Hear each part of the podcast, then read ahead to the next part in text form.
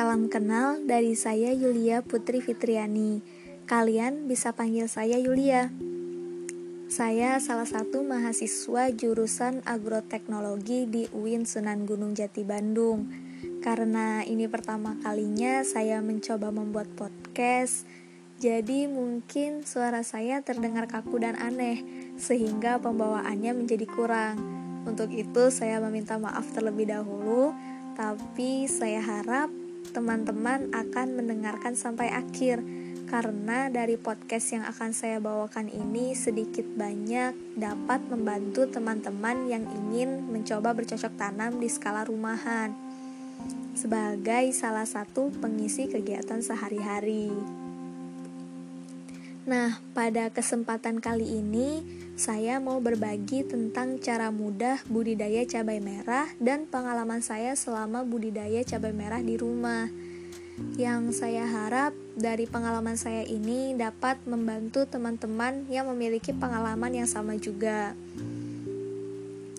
Sebelum kita berbicara tentang budidayanya, kenapa sih saya memilih membudidayakan cabai? Selain karena bahan yang mudah ditemukan, juga karena banyak dari masakan khas Indonesia yang menggunakan cabai sebagai salah satu rempah dasarnya yang membuat masakan menjadi lebih sedap.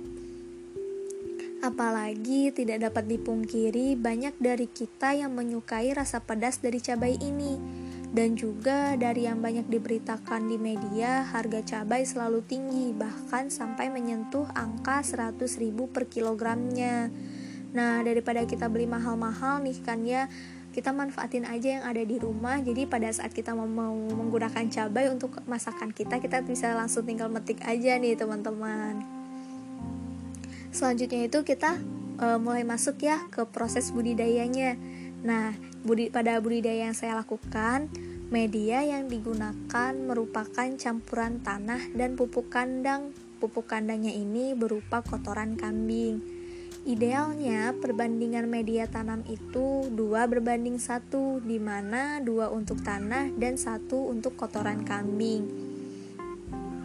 Untuk media tanam, selain menggunakan kotoran kambing, kalian bisa juga menggunakan campuran arang sekam, kotoran ayam, atau serabut kelapa. Dan wadah yang saya gunakan untuk media tanamnya berupa polybag berukuran 50 x 50 cm. Nah, jika dari teman-teman ada yang mau mencoba untuk menanam tetapi tidak ada polybag, kalian dapat menggunakan wadah bekas seperti ember bekas, botol bekas, atau yang lain-lainnya. Nah, jika teman-teman menggunakan ember bekas atau wadah yang lainnya, jangan lupa buat e, lubang-lubang kecil seperti pot tanaman. Nah, lubang-lubang ini itu berfungsi sebagai pengatur drainase pada saat penyiraman. Kita lanjut beralih ke benih. Nah, benih yang saya gunakan merupakan benih basah langsung dari buah cabai segar dan langsung disebar ke media tanam. Karena pada saat penanaman benih yang digunakan merupakan benih basah, hal itu membuat pertumbuhannya menjadi lumayan lama. Benih itu baru tumbuh sekitar 14 hari setelah tanam. Setelah dicari tahu apa penyebab lamanya benih cabai ini tumbuh, nah dari be membaca beberapa artikel ilmiah ternyata untuk menanam itu sebaiknya menggunakan benih yang sudah dikeringkan karena benih yang dikeringkan dapat meningkatkan viabilitas atau kemampuan benih untuk tumbuh. Jadi saya sarankan nih untuk teman-teman yang akan memulai budidaya cabai di rumah, apabila menggunakan benih cabai segar, sebaiknya dikeringkan terlebih dahulu. Proses pengeringan ini dapat dilakukan dengan penjemuran di bawah sinar matahari langsung. Akan tetapi yang perlu diperhatikan temperatur udaranya Nah, untuk pengeringan sebaiknya antara 32 derajat sampai 43 derajat Celcius.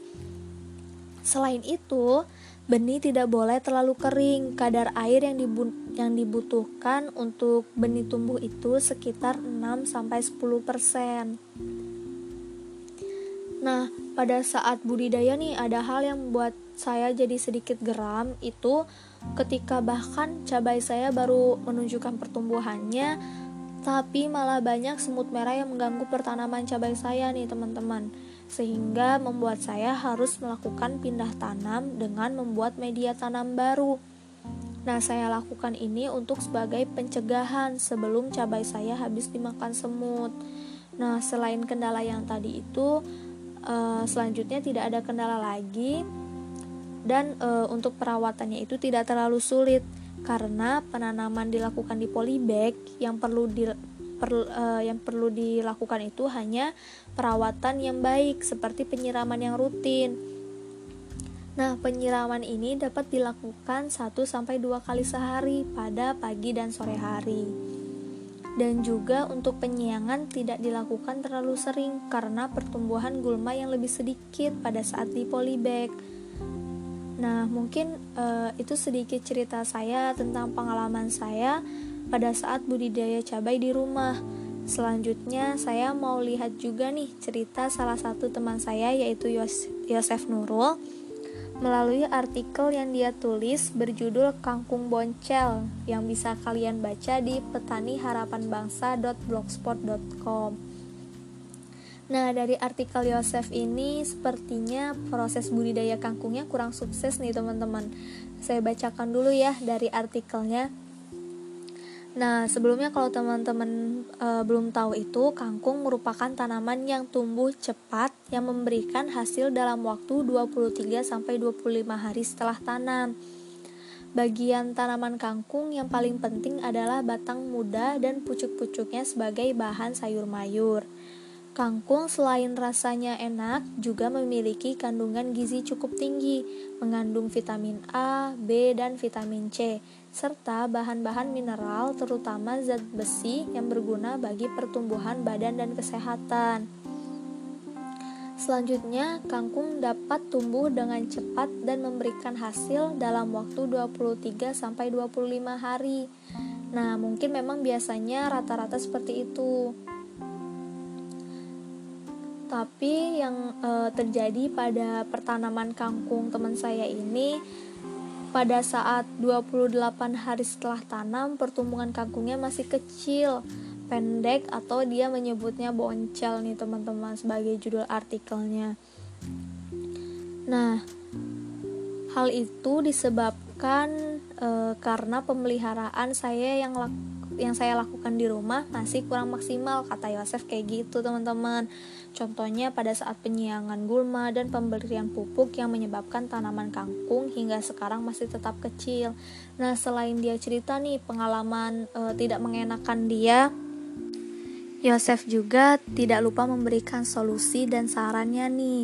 Nih, salah satunya apabila keadaan kangkung kalian juga sama seperti keadaan kangkung yang Yosef tanam, uh, dia mengatakan lebih baik uh, perhatikan dalam perawatannya nih seperti pemberian pupuk pada tanaman. Kalau diibaratkan seperti memberikan asupan makanan pada bayi. Nah agar nantinya dapat tumbuh dengan baik. Buat lengkapnya nih teman-teman tentang artikel Yosef kalian bisa baca langsung ya di uh, blog yang saya mention tadi. Nah, e, buat dari saya nih semoga cepat tumbuh besar ya kangkungnya Yosef. dari pembicaraan saya tadi mungkin dapat diambil pelajaran bahwa dalam budidaya tanaman apa pun itu harus didasarkan pada keuletan teman-teman. Nah, keuletan ini apalagi dalam hal merawatnya untuk eh, teman-teman uh, yang mendengarkan podcast saya ini uh, dan ingin memulai budidaya tanaman di rumah, semoga dapat membantu walaupun sedikit dan juga sukses untuk budidayanya. Sampai jumpa lagi dari saya. Terima kasih. Wassalamualaikum warahmatullahi wabarakatuh. Bye bye teman-teman.